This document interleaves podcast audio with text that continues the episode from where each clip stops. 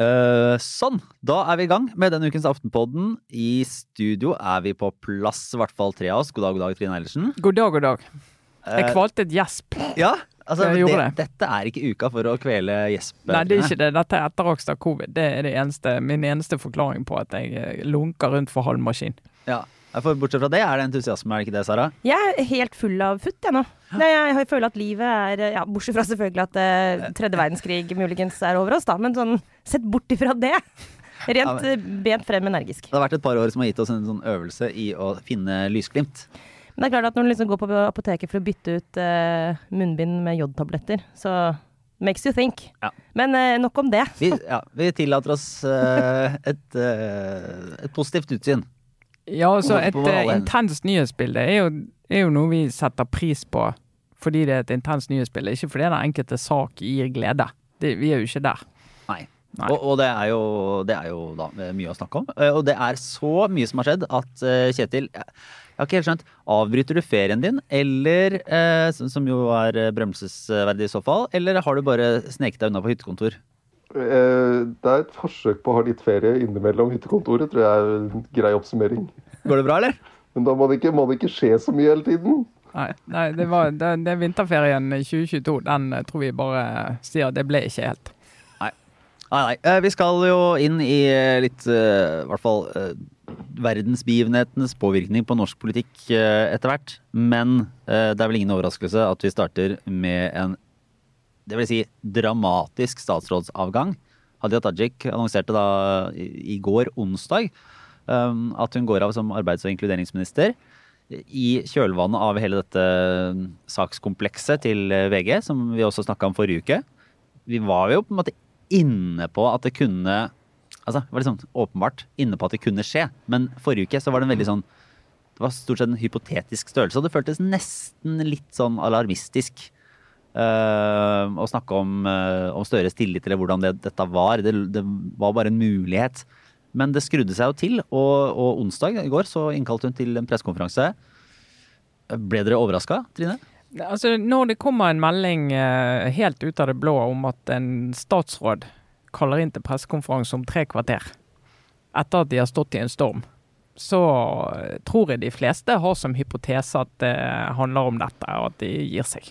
Det er nok det.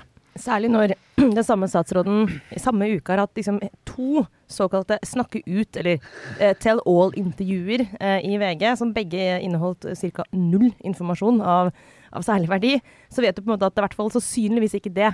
Alternativet til at hun trekker seg, ville vært at eh, hun skulle holde pressekonferanse for å legge frem noe. Ja, og, så, Eh, og det var det jo ikke noe som tyda på at hun hadde tenkt til. og så skjedde det jo noe tidlig i uken, nemlig at eh, de store forbundene, LO-forbundene, gikk ut og sa at eh, nå skal vi ha sentralstyremøte. Der sitter jo de. Eh, og der er vi nødt til å få noen eh, bedre svar. Det har vi ikke fått så langt. Medlemmene våre forventer det. Kom ut av det møtet, og inntrykket var at de hadde ikke fått de svarene de ønsket seg. Så da var jo alle veldig spent på hva skjer nå. Og dette skjedde. Dette LO-utspillet var jo det som dro, det, dro opp alvoret i det kraftig. Da man kanskje trodde at dette var i ferd med å futte ut, eller kanskje ikke ville vare så veldig mye lenger til. Og så kommer de på den måten. Ikke bare det at de ta, vil, ta det opp internt på et sentralstyremøte, men går ut i VG med liksom pauker og basuner. Og ganske, til dels ganske sterk ordbruk. Det var et veldig hardt signal fra LO. Ja, fordi Hvis du skulle sett, eh, sett at, eh, at sånn temperaturen i, en, eh, i den saken, da, den var jo også pga. Av, av verdensbegivenheter og, og krig og alt mulig rart, liksom fallende. Selv om uh, Tajik jo sleit med å komme med på en måte, svarene som, som ble etterspurt på et vis. Eller i hvert fall, de, de, liksom, de stoppa ikke helt spørsmålene, de, de svarene som kom. Eh, så var jo den, den LO-saken, at, altså at, at, eh, at de gikk ut, altså tre av de absolutt eh, største toppene i dette her, altså Jørn Eggum, Mette Nord og uh, Peggy Fløsvik, LO-sjefen, går ut eh, og, og krever svar, skrudde liksom temperaturen opp til ja, hva blir det? Er det hva koster temperaturskalaen? Ja, fra 10 til 100? småputring til 100, vil jeg si. Det var full kok igjen Ja. da. Det var så, det. det som kommer til å bli en diskusjon nå, er nettopp fordi det er helt riktig, det var jo et omdreiningspunkt i denne saken. Eh, etter det så kunne hun sannsynligvis ikke ha klart å holde posisjonen som statsråd. Men det kommer til å bli en diskusjon om årsak og virkning her. Altså Var det LO-toppene som mer eller mindre bevisst felte Hadia Tajik som eh, statsråd? Eller var det Hadia Tajik selv som håndterte saken såpass dårlig at det til slutt uansett på en måte ville kommet dit? Og Det tenker jeg, det er, ikke, det er ikke så lett, det er kanskje litt tidlig nå å se, og vi, det er fortsatt mye vi ikke vet om hva som har foregått på bakrommet her. Men det er klart at det, det som jo uansett er vanskelig å komme seg unna for Tajik sin del, det er at LO-toppene har jo rett i at hun ikke har svart godt på de spørsmålene hun har fått. Det ansvaret tenker jeg at det ligger jo hos henne. Og så kan vi bare spekulere i hva som gjør at hun har svart så dårlig, men jeg mener at det er nesten et sånt, det er nesten en sånn faktaboks at hun har ikke svart eh, eller lagt, altså hun har verken lagt fram dokumentasjon eller kommet med noe særlig mer enn veldig omtrentlige formuleringer, bortsett fra at hun har sagt veldig tydelig at hun ikke har brutt loven, og at hun har vært ærlig, og at alt har vært i beste mening. Det insisterer hun jo på, og det er jo for så vidt ingen grunn til å si at det nødvendigvis heller ikke er sant. Men svarene utover det har vært dårlige. Så det tenker jeg at bare ikke glemme at det ligger på hennes pult, uh, uavhengig av hva andre folk har gjort etterpå. Og det, det er i hvert fall det fra liksom samtaler i LO-systemet rundt dette, at det var jo ikke sånn at LO uh, Man kan jo lure på hvorfor de gikk så hardt til verks, for det er virkelig sånn politisk sjokkaktig. Ja, ja. Oi! De er jo å kaste en granat inn i saken. Ja. Uh, og, og, og, virkelig liksom uh, få det opp igjen. Men jeg tror de som vil forklare hvordan, liksom, hvordan det var, vel, vil vel kanskje peke på at, at, de forsøkte å få gode svar internt. At de ikke på en måte løp rett til VG. Det, og, og det, men at eh, Tajik da ikke egentlig leverte noe de da var fornøyd med, og, og at de følte at de på et vis måtte. Ja, og så er det jo sant, Vi kommer jo tilbake igjen til dette med håndteringen. Eh, og det som vi nå eh, vet etter en uke med gnikk, eh, det er jo at eh, Haja Tajik ifølge seg selv har betalt noen tusen i måneden eh, til foreldrene, sier hun. Uh, og at det, det, til litt sånn løpende utgifter. Altså ikke en sånn fast husleie, sånn som jeg har forstått det, men det har i hvert fall gått litt lenger i det. Og det er ikke mer enn noen dager siden hun bare ikke ville svare på det spørsmålet. Hva var det for utgifter? Hva var arten? Hva liksom type kostnader var det? Hun ville ikke svare på det uh, til journalistene. Og hvis hun heller ikke ville svare på det altså LO og de forbundene de er stinn av medlemmer som uh, følger nyhetsbildet og ser hva er dette for noe. Kan ikke hun bare fortelle hva det er? Greit om hun ikke kan fortelle til dem, men fortelle til oss, da. Og hvis hun ikke gjør det, så tror jeg nok at disse LO- og forbundslederne bare merker at det er ikke nok at hun bare lar være å svare, og bare kommer med sånne små drypp ene dagen etter den andre. Så ser jo de også at dette kommer til å vare veldig lenge. Eh, sånn at de, har, at de hadde reell behov for å liksom si nå må det skje noe. Det, det tror jeg òg er ganske forståelig, da. Jeg skal bare først det der, jeg har noen tusen er altså så utrolig rart svar på hva, hva, man betalte. Noen ganger mer og noen ganger mindre også. Men er det sånn, noen ganger mer enn noen tusen? Ja, men Er det 2000 eller er det 5000? Er, er ikke mm. det, det, det, liksom, det er så ekstremt upresist anslag for noe du ikke husker eller kan gi eksempler på hva er. At det, at det kan jo godt henge sammen på vis, men det gjør jo ikke at saken blir, for min del i hvert fall, veldig mye mer opplyst. For det er sånn, ok, men hvis du hadde en utgift på noen tusen i måneden, men ikke kan si hva det var. Så, ja, det var vel eh, der det blir litt sånn litt utydelig. Ja, noe, av problemet, noe, av problemet, hennes her er jo at hun altså, Selv om hun, eh, hun sier at hun hadde disse utgiftene, problemet hennes var at hun ga ikke de opplysningene til statsministerens kontor den gangen. Hun ga feil opplysninger til sin arbeidsgiver. Og det er, det er noe med å innse at da, da må du bare si Eh, det var sånn. Jeg, burde, jeg, jeg, jeg, mener jeg hadde mitt på det tørre, men jeg ga feil informasjon. Nå vil jeg betale den skatten og bli ferdig med det. Men i stedet så har hun vært liksom drevet sånn fra skanse til skanse her. Eh, og i tillegg da åpnet hele dette ballet med, med å gå veldig offensivt ut mot en sak som Aftenposten ikke hadde publisert ennå. Sånn at det er, det er, det er jo håndteringen her. Så spørsmålet er kunne hun kunne hun eh, overlevd den historien hvis hun hadde håndtert den på en annen måte? Jeg tror faktisk kanskje at hun kunne overlevd det. For det at, her er jo håndteringen blitt et stort problem. og du ser Flere refererer jo til at uh, også det angrepet på, på, Aftenposten, at det blir vi ser en, flere som har skrevet som støttet henne, da, så delte det innlegget der. Og det har jo merket meg at mange av de sier herlighet, nå føler jeg meg lurt. Uh, når jeg ser hva som har skjedd etterpå. Eh, sånn at du får eh, en kombinasjon av hendelser som gjør at folk tenker hva er det egentlig som foregår her? Og Kan ikke du bare svare på de spørsmålene når VG holdt på i seks uker med å prøve å få svar på det du skulle tro var ganske enkle spørsmål, eh, så skaper du, er det skapt et inntrykk av en statsråd som ikke skjønner alvoret før det er for seint, og som ikke er interessert i å bidra til å opplyse saken. Og én ting igjen er jo pressen. Eh, men noe annet er jo faktisk statsministeren og statsministerens kontor. Altså Jonas Gahr Støre. altså Jeg aksepterer at jeg f.eks. ikke vet alt om dette, men Jonas Gahr Støre kan ikke akseptere at ikke han vet alt om dette. Eh, og da eh, snakket jeg med en som sier at på SMK så må du ha den personen som når dette begynner å boble, oppsøker statsråden, setter seg ned og sier er det noe her vi må vite. Er det noe du ikke har fortalt? Nå må du tømme hele bøtten, alle skapene, alle skuffene. Vi tåler ingen overraskelser. Og senest i forrige uke sa Jonas Gahr Støre at Hadia Tajik hun, eh, hun har tillit til, og hun svarer på spørsmål etter hvert som hun får de. Og det gjorde hun ikke. Det er jo her eh, vi må innom eh, vår favorittserie The Thick of It Ja! Storbritannia. Der du har denne Malcolm Tucker, som er altså spinndoktoren i regjeringen, og som drar rundt og gjør nettopp det på veldig brutalt vis. Med ekstreme mengder banning på skotsk. Ja, og, det, og bare for, bare for å liksom ta disse rollene rundt en regjering og rundt statsråder. sant? Altså, Du har folk som har som jobb å ta vare på statsministeren og regjeringsprosjektet, og de tar veldig få hensyn til, veldig få menneskelige hensyn. Altså, Det er ikke deres jobb å gjøre det, det må andre gjøre.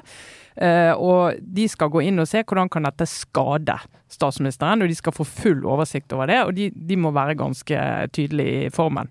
Og hvis, hvis f.eks. Hadia Tajik har folk rundt seg som er mer opptatt av hennes ve og vel enn av den totaliteten, og at det er det som veier tyngst, så er ikke det bra. Og dette kan jo tyde på at dette er et litt sånn strukturelt problem for den regjeringen vi har nå. Altså Hvis vi tenker tilbake til da den regjeringen gikk på, så hadde vi Ropstad-saken ganske friskt i minne. Statsråd som måtte gå pga. surr med, med pendlerboligregelverket. Og så skal de da uh, utnevne en ny regjering, og så er det jo en sånn prosess, en såkalt vetting. Eller, uh, eller altså en sånn ganske grundig gjennomgang av alle som er aktuelle for å få en statsrådspost. Uh, og det går jo mange historier i, i pressen om liksom, hva som visstnok skal skje i disse her samtalene. Det er selvfølgelig ingen som har innsyn i det, men, men jeg vet om mange eksempler på Folk har vel delvis fortalt om opp gjennom historien, da, hvordan de der intervjuene der foregår. Og, og, og jeg vet om folk som sier at det er som å komme inn til et avhør, ikke sant. Og hele fortida di all historien skal på bordet. Uh, og da sitter eksempel, Julie Brottkorp for eksempel, var blant annet en av de som gjorde dette for Erna Solberg i sin tid. Og skal ha vært knallhard. ikke sant? Og da er det sånn at du får én mulighet i, i dette intervjuet til å legge alt på bordet. Er det noe i din fortid som kan bli en sak som kan skade regjeringen og statsministeren? Og så hender det jo at uh, folk forteller ting, og så er det sånn Beklager, du kan ikke bli statsråd. Det springende punktet her er jo hvorfor var det åpenbart ingen som klarte å stille de spørsmålene til Tajik den gangen hun ble statsråd. Men det ansvaret er ikke bare hennes, det er først og fremst hennes. Men det er også noe med apparatet rundt her. Eh, hvordan kan det ha seg at ikke en pendlerboligsak kom på bordet da? Altså, det er for meg et stort mysterium. Det er, jo, det er jo, litt sånn, det, det er jo litt sånn nå, nå altså det, er, det, er, ikke noe stort sånn, men jeg vil tro at det sitter sikkert reportere i Aftenposten som er sånn ok, vi, hadde, vi har hatt pendlerboliger opp og ned av i mente, og vi har avdekket liksom eh, dårlige ordninger her og feil der og alt mulig rart. Og så har den her gått under nesa på oss. VG har fortjenstfullt gått tilbake, sett lenger tilbake, aner ikke hvorfor, men har jo da måtte, funnet dette, stilt spørsmål, sett at noe ikke passer helt inn. Uh, avdekket en, en sak som, uh, som, som, viser et problem. Uh, og vi i Aftenposten tror jeg sånn, skulle åpenbart gjerne hatt den saken. Det er en del av vårt kompleks. Men vi er ikke like sinte på at vi ikke hadde den saken, som det SMK burde være. De burde være rasende. Altså det, det, og da kan jeg bare minne om også at det samme med Eva Kristin Hansen da hun ble stortingspresident. ikke sant? Da hun fikk den rollen. Altså, det også er et eksempel på sånn Hvorfor ble ikke de spørsmålene stilt? Eller kanskje ble de stilt, men i så fall så har jo ikke da disse personene svart ærlig. Og så må vi jo, bare så det er sagt, da, eh, huske å si at Hadia Tajik selv sier Hun ble spurt på pressekonferansen i går hvorfor har du ikke på eget initiativ rapportert inn dette da pendlerboligdiskusjonen kom på bordet. Og da sier hun jo at det, jeg, jeg, jeg, ærlig, jeg, tenkte ærlig talt ikke på det. Hun opplever ikke selv at hun har brutt en lov eller gjort noe galt. Og det må vi jo for så vidt tro henne på, da, så er det også det sagt. Men i beste fall så er det, men, men, ja, var det veldig dumt det for henne. Det falt meg ikke inn, tror jeg hun sa. Det falt meg ikke inn, var men, det, riktig. Nei. Og, men den siste sjansen hun hadde, var jo da VG begynte å spørre. Da burde Ja. det faktisk falt dem inn at her Ja, må jeg da, gå og da er vi på nyåret, nyåret 2022, sant? og da, da er det jo, når de begynner å spørre, så ringer du i alle klokkene og får all den hjelpen du kan få for å få, for ikke havne i denne situasjonen istedenfor, så holder det også på i seks uker. Med eh, Ja, vi kan jo bare Vi får jo ikke innsyn i den korrespondansen foreløpig, så vi kan jo bare fantasere om hvordan den har vært. Mm. Nei, Men, er eh, uansett bare en skandaløst elendig håndtering av uh, Hadia Tajik selv, må jeg bare si. Men, men til hennes forsvar har hun åpenbart ikke fått den hjelpen hun burde ha fått heller fra apparatet rundt, eller ikke ville ta imot, det vet ikke vi. Men jeg tror liksom det burde, det, håper det brenner, eller det burde kanskje brenne bitte litt på dass rundt i denne, dette systemet. For at det her er jo Vi skal ha et overordna blikk på det, da. Så er det jo sånn at det, det er jo åpenbart at Tajik har vært en god statsråd Du har eh, klart å gjennomføre mye politikk og har liksom virket.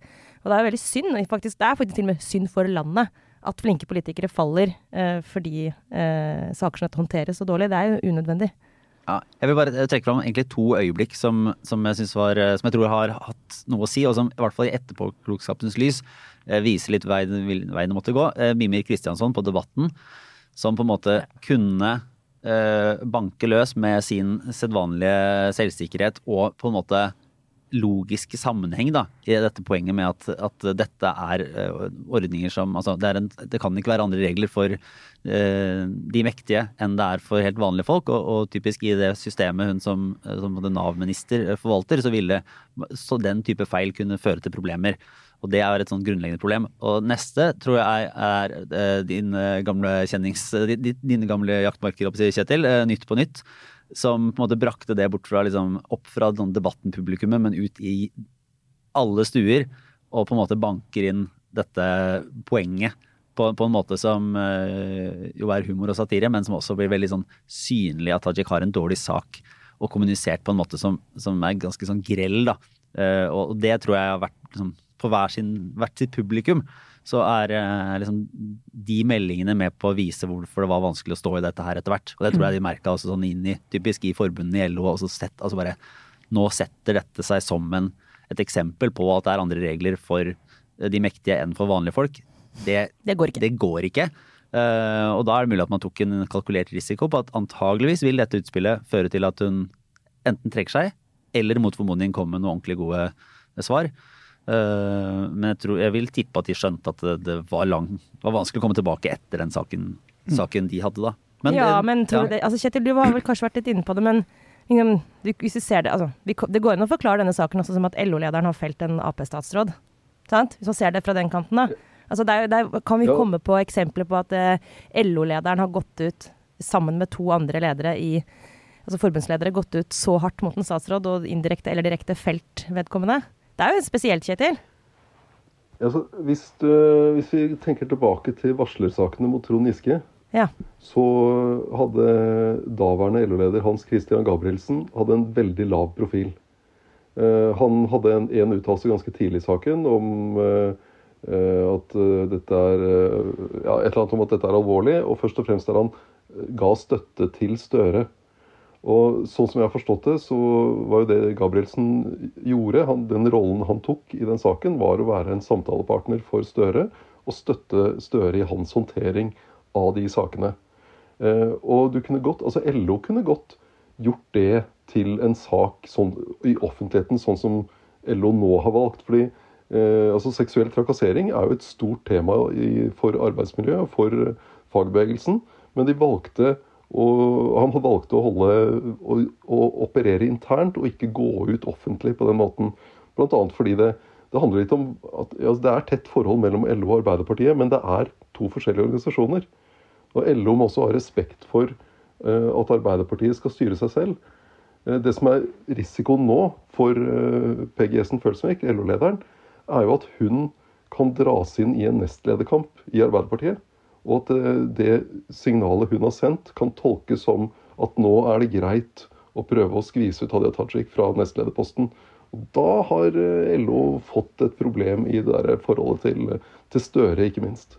For det var interessant da, i, i denne pressekonferansen eh, der Hadia Tajik varierende grad av å legge seg flat. Det var en viss sånn passiv-aggressiv eh, tone, hvis jeg kan analysere det. Men hun var jo veldig tydelig på at nestlederrollen hadde hun ikke noen ambisjoner og tanker om å gi fra seg. Eh, og det har jo også Støre måte gått inn for. Selv om det da eh, i kjølvannet etter kom en av de beste titlene jeg tror jeg har sett. Ingvild Kjerkol, helseminister jeg har tillit til Støres tillit til Tajik. uh, fordi hun vil ikke selv si at hun hadde tillit til uh, Hadia Tajik som nestleder, men Det er sånn annengradstillit, eller hva blir det for noe? Altså sånn. Ja, bare er, Teller det? Jeg vet ikke, men, men, men poenget Går det an hva er logikken uh, bak å kunne sitte som, uh, som nestleder i Arbeiderpartiet, men, men, måtte trekke seg som statsråd? Det er en tynn, Den logikken er tynn. Er, altså forklaringen uh, Jeg hørte Kjersti Stenseng i dag, og Tajik selv sier det er jo at denne saken her står i veien konkret for hennes jobb som arbeidsminister, ikke minst pga. Nav-koblingen. Du vil hele tiden bli møtt med ja, men hva med Nav-klientene, og, og du, du, du slipper unna her. sånn at Eh, det vil, det vil, liksom Og det, vil, det har hun nok helt rett i. At det vil stå i vei, ville stå i veien i hvert fall i veldig veldig lang tid for alt budskap hun skulle komme, om, eh, komme ut med om det. Men som nestleder, det er en annen type jobb. Det er en annen type oppgave der akkurat denne konkrete saken ikke, ikke nødvendigvis står i veien for muligheten til å gjennomføre nestledervervet. Det er i hvert fall logikken. Så kan du selvfølgelig, er det jo åpenbart en del i Arbeiderpartiet som er uenig i det. Det, det merker vi jo. Og Den logikken er jo også litt basert på det som kanskje var eller jeg oppfatta som en slags indirekte, eller rød tråd i pressekonferansen i går også, som er at eh, Tajik var helt tydelig på at hun måtte gå av som statsråd, fordi denne saken eh, gjorde det umulig for henne å fortsette sitt politiske prosjekt. Og av hensyn til arbeidet til regjeringen, så er det bedre at hun gikk til, eh, trakk seg. Og, eh, og, det har hun helt rett i, at hun satte partiet og regjeringen foran, foran seg selv. Men, men, under der så ligger det også, syns jeg, en litt manglende vilje, eller kanskje evne, til å også innrømme feil. Sant? Det er, det er, litt sånn at du viser til at det er for mye støy. Eh, og, og, det tenker jeg også er sånn grunnlaget for at hun også kan argumentere for at hun kan fortsette som nestleder. Fordi avgangen ikke først og fremst forklares med at hun har gjort en feil og har mistet tillit. Sant? Fordi at det, det er der det begynner å bli krevende. Begge, hun sier jo egentlig begge deler, og så blir det litt sånn uh, Det ene overskygger kanskje det andre. Det blir, uh, men, men, det er jo en ganske annen rolle, det å være nestleder i partiet og holde på på Stortinget. Og det å være statsråd. Du er liksom mye mer i, i dag-til-dag-situasjoner som statsråd. Mm. Så, så, så, så, akkurat andre, altså den andre delen av begrunnelsen hennes, det at det ble umulig å være statsråd, det betyr jo ikke nødvendigvis at det er like umulig å være nestleder. Det har du rett i. For en saks Skyld, parlamentarisk leder. Men spørsmålet Kjetil, er jo om hun altså, Det de to rollene har felles, er at det er tillitsverv på hvert sitt vis. Sant? Så det, det, jeg tror blir det springende punktet nå, er om eh, den feilen, eller de feilene som Tajik har begått, er så store at det gjør at hun ikke kan ha Altså at hun har mistet tillit. Eh, og i så fall så blir det vanskelig også å være nestleder.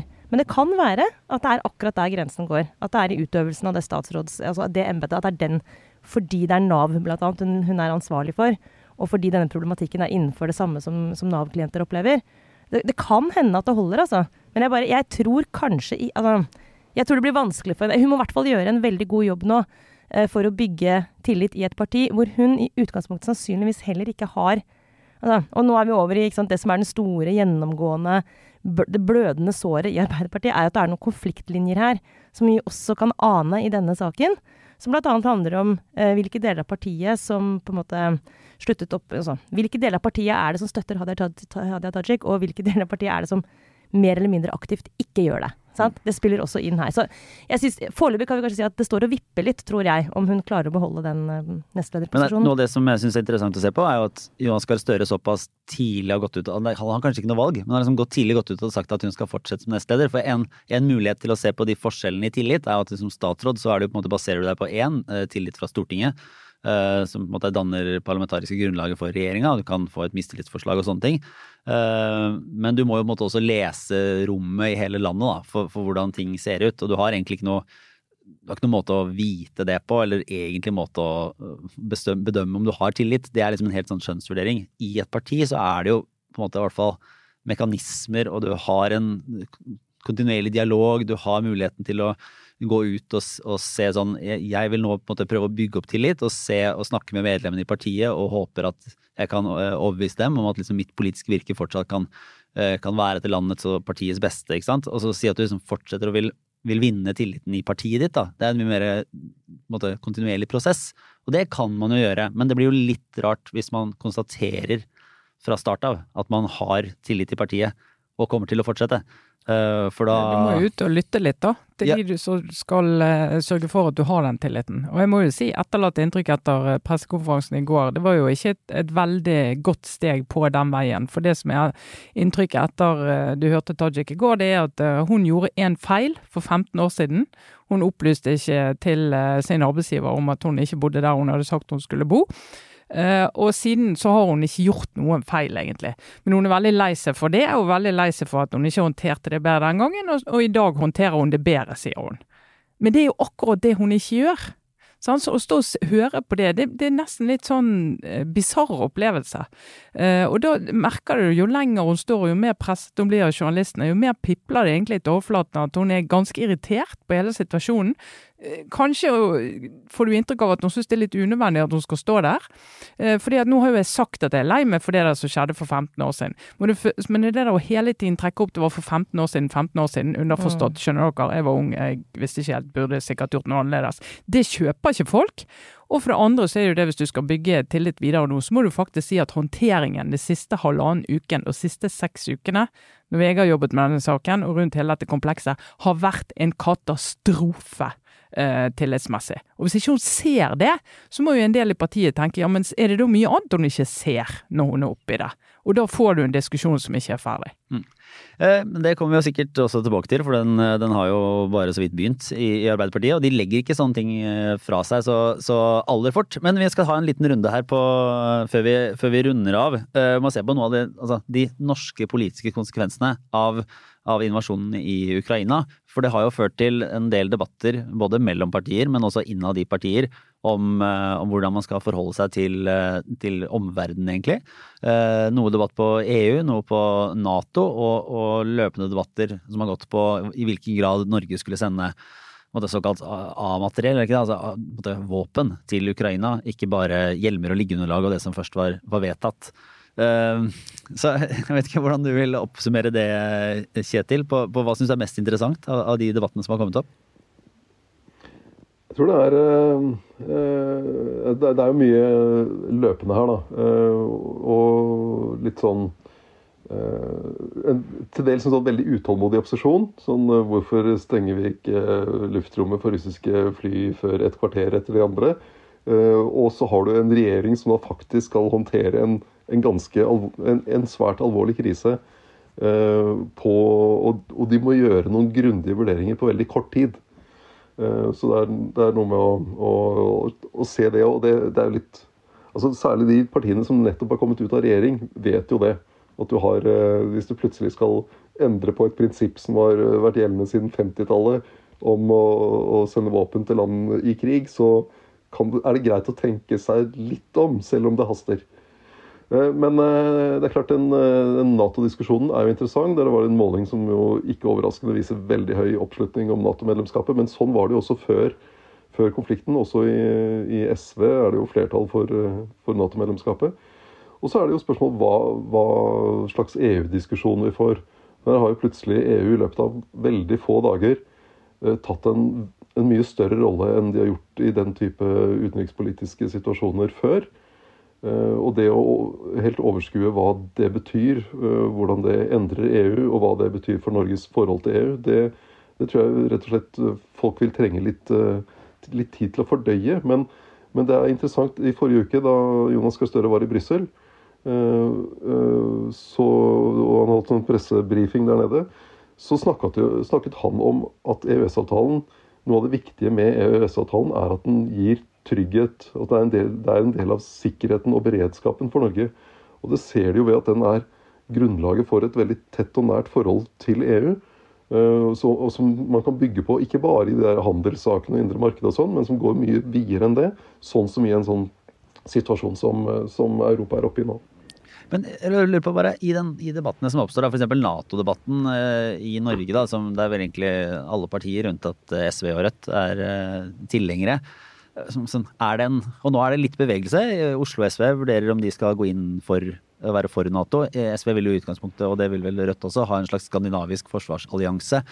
Eh, som de mener at, at, vil kunne gi mer trygghet og mer uavhengighet enn det Nato gir. Eh, så ser de jo nå de siste ukene at Sverige og Finland kanskje ikke er så veldig sannsynlige partnere i en sånn allianse, fordi de nå kikker mer mot Nato. Men, men er den Nato-debatten en sånn si, statsvitenskapelig Blindern-diskusjon, eller, eller, har det noe å si for den politiske utviklingen av Norge, Trine? Altså, jeg, jeg, eh, prøvde å få snakke litt med mine to sønner om det vi står i nå. De er sånn av og på interessert, må jeg innrømme. Men jeg prøvde å forklare de at uh, i 1989, da jeg var mye yngre enn jeg var nå, da falt muren. Berlinmuren. Og det endret Europa og hele det politiske bildet for hele min generasjon. Altså Det var den store endringen. Uh, og jeg prøver å si til de at dette er den hendelsen for deres generasjon. Og jeg snakker egentlig høyt til meg sjøl når jeg eh, hører når jeg snakker om det, men jeg syns jeg liker å snakke om det for det. For det som skjedde forrige uke med den invasjonen, og det som har skjedd i helgen etter den invasjonen, det har endret enormt mange politiske diskusjoner helt fundamentalt.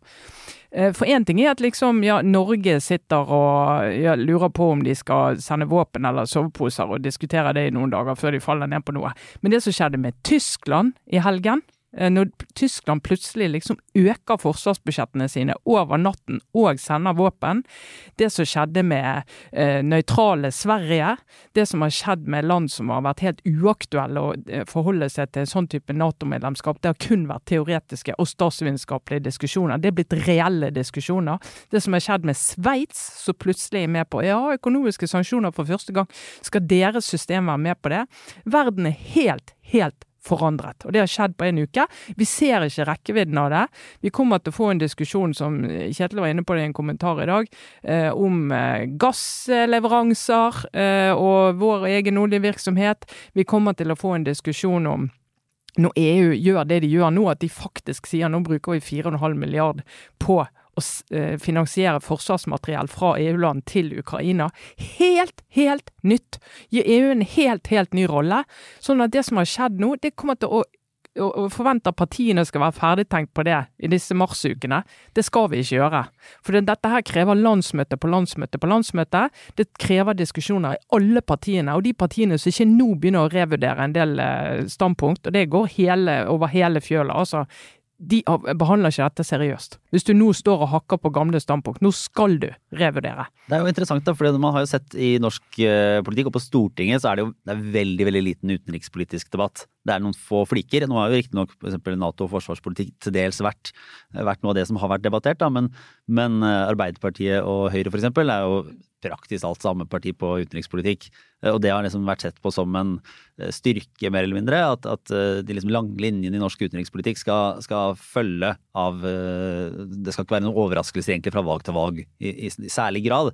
Og det er det jo argumentet for. Men nå kan jo at vi faktisk trenger en politikkutvikling som ville forutsette enda litt større uh, ulikheter og ulike meninger. Da. For nå er det ikke sånn Hvis vi liksom skal definere norsk politikk inn gjennom de årene som kommer, der eh, SV og Rødt er de eneste som ja, og Senterpartiet da, kanskje på, på, på EU-motstand er de som skiller seg sånn dramatisk fra resten, så, så, blir jo det en mye snevrere diskusjon enn hvis du liksom faktisk fikk løfta de spørsmålene. Ja, men ikke bare, det, ikke bare det, Lars, at det blir en eh, At vi må utvide denne diskusjonen. Det, men dette viser jo også at utenrikspolitikk kan ikke skilles fra innenrikspolitikk. Eh, altså ikke, vi kan ikke si på en måte at vi diskuterer innenrikspolitikk, og utenrikspolitikken der er vi enige. Altså, for å ta ett eksempel bare. Hele den der, hele diskusjonen, hele den politiske debatten som handler om liksom Norge, eh, og som særlig Senterpartiet har vært liksom talsperson for. Altså nå må vi Nå handler f.eks. å være sjølberga på energi eller korn eller Altså hele den oppfatningen om at vi kan forholde oss til Norge først og fremst, og at vi kan ha en diskusjon som egentlig avgrenser seg til at vi skal passe på oss, og så kan resten passe på seg selv, for å sette det veldig på spissen. da. Den situasjonen viser bare helt til fulle at det er 100% komplett umulig å eh, ikke være en del av et internasjonalt fellesskap. Eh, og at eh, enten du vil eller ikke De økonomiske sanksjonene mot Russland f.eks. viser jo bare hvordan internasjonal handel er altså, absolutt Alle land med en økonomi er 100% avhengige av landene rundt seg for å ikke kollapse. Bare det. Så det er liksom et eller annet med den eh, realiteten som bare har rykket inn over oss nå, som er at vi er en del av verden om vi vil eller ikke. Jeg tror det blir helt umulig nå å gå tilbake til en politisk debatt i Norge hvor man måtte bare kan si at jeg velger å vi, vi, vi vil ikke være en del av et internasjonalt samarbeid. Det, ja, det tror jeg bare, det tror jeg, Den er endret fundamentalt, den diskusjonen også. Og EU-diskusjonen tror jeg vi kan forvente oss at det er nødt til å komme på nytt, den også. Når dette begynner å synke inn. Men det får vi se. Det er jo sannsynligvis ikke noe som skjer med det første. Men jeg ser jo at partiene foreløpig bare på en måte henter opp det de har ment fra før, og så putter det inn i den situasjonen vi er i nå. Det er for så vidt forståelig, fordi det er, som Trine var innom, eh, dette, dette trenger vi tid på å finne ut av. Men eh, sånn som Senterpartiet er ute med vi må ha kornsiloer igjen. Og det kan, det kan finnes uh, argumenter for det. altså Både mer usikker verdenssituasjon og klimaendringer uh, som, som gjør, kan gi større matusikkerhet. Så det kan man gjerne diskutere. Men det er noe med hvis, hvis, du bare er opptatt av den der kornsiloen og ikke skjønner hvilken betydning det har for Norge sikkerhetsmessig og beredskapsmessig å ha et godt og nært forhold til EU, så har du mistet ganske mye av det som er vesentlig. Særlig når du ser hvordan EU nå utvikler seg til store sprang i sitt samarbeid. Mm. Jeg tror vi eh, går inn i en eh, kjapp liten runde med obligatorisk refleksjon før vi, eh, før vi avslutter. det. Ja, to anbefalinger for, for, noe av det som Altså den krigen den foregår nå. Vi vet ikke hvor lenge den skal foregå, men det vi kan være helt sikre på, det er at disse økonomiske sanksjonene som Vesten, som vi kaller det, er blitt enige om nå, det kommer vi Eh, som verden å bære med oss i mange, mange år. Altså Sånne sanksjoner skrur du ikke bare av og på liksom med knapper. Eh, eller du har faktisk kunnet skru dem på, fordi at alt er elektronisk, så du kan faktisk bare skru av. Men det er ikke så lett å bare skru på igjen hvis ting skulle forandre seg. Sånn at dette skulle være med oss veldig lenge. Eh, og da merker jeg at jeg trekkes litt mot internasjonal finanspresse for å prøve å forstå litt hva som skjer. Jeg vil anbefale to podkaster. Wall Street Journal har en som heter The Journal, som går hver dag. 15 minutter hver dag. Eh, de har eh, god innsikt i både hvordan disse sanksjonene kommer til, og effekten av det, og vurderinger av det. Jeg anbefaler den. Og også Financial Times har, eh, har en daglig podkast som også jeg bare tror var på ti minutter, som rapporterer litt rundt dette. Og dette er, det er utrolig spennende å høre. Både det dramaet som skjedde forrige helg i EU, de store EU-landene, og kontakten mellom USA og UK og EU, for å få landet disse sanksjonene som ikke ligner på noe verden har har påført et enkelt land før noen gang. Eh, og også å prøve å nå gå inn i og se hva de langsiktige effektene av dette. Hva type Russland er det vi skal forholde oss til om fem år og ti år, hvis dette virkelig virker? Hva land blir det? Blir det en rykende branntomt, og hva vil det si for vår relasjon til det største landet i verden fremover? Eh, og hva vil det si for muligheten til å bygge liksom nye bånd med det som forhåpentligvis blir et nytt Russland en eller annen dag? Det er veldig interessant. Og hvor lite, hvor lite i hvert fall jeg kan si, altså Dette Swift-samarbeidet f.eks., som nå alle snakker om, hvor lite jeg vet om hvordan disse tingene faktisk i praksis fungerer. Eh, og den enorme effekten av å da eh, f.eks. kaste Russland ut av det, akkurat dette samarbeidet. Men også den litt ubehagelige følelsen av at det virker så fornuftig å gjøre det akkurat nå. Men det får nok noen konsekvenser også, noen ringvirkninger, som vi jo ikke helt klarer å overskue. Ja, så Den russiske ja. sentralbanken, det har vi en sak om i dag, eh, som, eh, der alle midler i utlandet, tilsvarende et halvt oljefond, er frosset. Jeg har ikke tilgang på dem. Dette er krigskassen til eh, Putin. Hva betyr det? Det, nei, det er veldig interessant. Mm. Er det med deg, Kjetil? Sitter du, det er ikke så mye kulturtilbud på, på hytta di, er det det? Ikke så mye russisk samtidsteater heller for tiden, nei? Nei, altså Jeg, har, eh, jeg trenger en liten debrief. Jeg har vært i, har vært i internett i storm på Twitter. Hva er det du rota deg borti nå? Uh, feel your pain, Kjetil. jo, takk. er det ikke det ene, er det det altså, andre? Dette, dette har egentlig Trine Nostradamus Eilertsen forutsett for lenge siden. Ja. Da, vi, da, vi, spilte inn podkast da vi hadde fått den nye regjeringen, med, og snakket vi om alle disse statsrådene som hadde vært med i realityserier, så var vi også innom det at Emilie Enger Mehl jo hadde vært med oss på å spille inn Kompani Lauritzen. Og så snakket ja. Trine litt om ja, hvordan vil det se ut når hun er beredskapsminister, og det blir sendt i løpet av vinteren, og hun kanskje står i en eller annen politisk situasjon hun må håndtere. Og det gjør hun jo. Ja. Så, så Det, det syns jeg var jeg synes det var godt sett av Eilertsen, og Ja. godt fulgt opp av eh, Alstheim.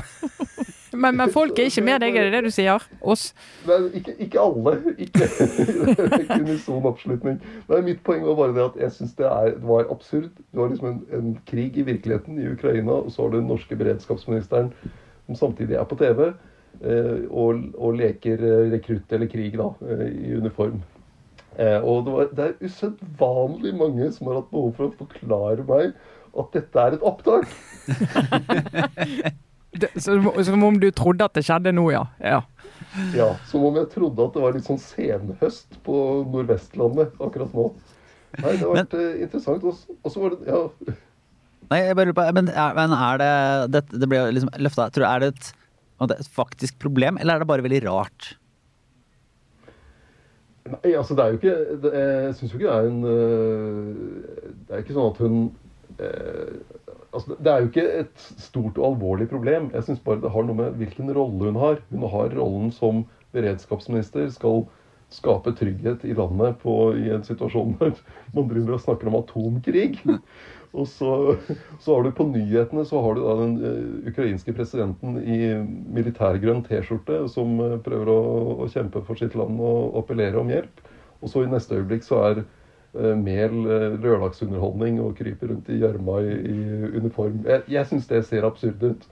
Men men jeg syns jo, altså For når vi snakket om det i høst og ikke visste at denne situasjonen skulle komme, vi bare spekulerte om den, eh, så var jo det en litt bredere diskusjon av disse reality-statspotensielle statsrådene og reality-politikerne som liksom Altså, de bruker den type underholdningsprogram for å bygge seg en profil og bli kjent, og liksom se Vi som publikum skal få se flere sider av dem. Jeg skjønner at de gjør det, men, men det er et eller annet litt korttenkt med det, da. Eh, hva er det du skal være? sant? Er det sånn vi skal bli kjent med deg, eller er det sånn politiker vi skal bli kjent med deg? Og der, eh, for å si Det sånn, det var et retorisk spørsmål. God natt. Ja, det er, jeg har fått også tilbakemelding på kanskje betyr dette at politikere vil by litt mindre på seg selv. Og jeg tenker det er helt Da får jo endelig håpet. håpe. så fall. Men En risiko du er villig til å løpe. Jeg, Ja. jeg skal bare bygge dette over til en liten anbefaling. Fordi noen har også lurt på om det tolket det som om jeg mener det er feil med å la seg underholde av krig eh, når det er krig. Eh, og det gjør jeg ikke. Eh, altså Det å se krigsfilmer eller krigsserier i en sånn situasjon Det blir jo sånn, litt sånn som med deg, Sara, i starten av pandemien. Så oppsøkte jo du de mørkeste hull. Ja, jeg trøsta meg med sånne ebola-dokumentarer og litt sånn verdens utslettelse. Ja ja, det er, hvis det er mørkt, go, go darker. Det er et godt råd, det. ja, nettopp. Ja, det er jo, ikke sant? Så det, og jeg har da øh, sett på en israelsk serie nå i disse dagene, 'Valley of Tears'. Oh, den er så Eh, fra Jom Kippur-krigen i 1973. En, en dramatisering, da. Veldig tett på de som er i fronten og kjører rundt i stridsvogner og prøver å, eh, å overleve en forferdelig krig. Eh, veldig, jeg tror det er en av de beste krigsseriene jeg har sett, så den, den anbefaler jeg. Ja, vet du, Den anbefaler jeg òg. at eh, vi, vi, Når vi løfter blikket og tenker stort og alt det der, så det som virkelig foregår på bakken nå, den eh, serien Valley of Tears, det er da du kjenner på den kostnaden ved at eh, litt eldre paranoide menn som ser ut som de bruker Botox, som er såret for et eller annet, skal få lov å sette i gang ting som får sånne konsekvenser for så mange mennesker. Det er helt utrolig. Ja, Men da kan jeg bare mine kjappe ord her, som er, er veldig kort.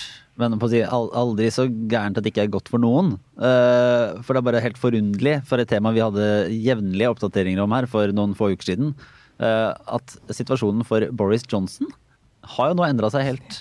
Det er vel ikke det at han er enormt populær, men fra å være helt, helt på kanten av sin liksom, eh, politiske virke, så er det litt sånn der wag the dog, for øvrig også en filmanbefaling, situasjon, der, der det bare har drukna. Og så kan man jo si at uh, i lys av at Boris Johnson klarer å hente seg inn, så er det jo nesten et under at Hadia Tajik uh, klarte å, å måtte gå av midt i dette, alt dette her. Det, ja. La oss bare, hvis vi skal være litt konstruktive her, da, håpe at det betyr at det norske systemet virker et knepp bedre, tross alt, enn i Storbritannia, hvor det er helt eh, Altså, det begynner å bli helt det er helt uforklarlig at de holder seg med en statsminister med null tillit og null evne til å forvalte sitt embete sånn, sånn dokumentert igjen og igjen og igjen. Men, eh, men jeg tror jo, Lars, at eh, de Ja, han fikk en pause fra eh, drama rundt seg selv. Men jeg tror ikke Det kommer tilbake.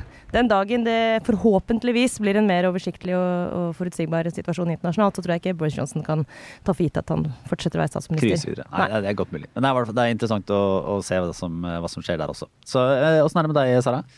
Dere skal runde av med bare først en takk, eh, og så et spørsmål. Eh, takk, det er til våre lyttere. Altså, jeg, jeg mener helt sånn helt alvorlig, jeg tror vi har verdens beste lyttere. Så her er liksom takk, smisk ut, men eh, ikke smisk faktisk, jeg er ektefølt. Ja. Eh, forrige uke så eh, snakket jeg om eh, denne nedleggelsen, den varslede nedleggelsen av ABC-klinikken på Ullevål. Det er en sånn fødeklinikk hvor du føder eh, på en altså, sånn spesialklinikk hvor du får lov til å føde på en annen måte enn på de store fødeavdelingene. Du føder jo på samme måten. Trine, altså du får duft det er spenninger i podkasten akkurat det her. Ja.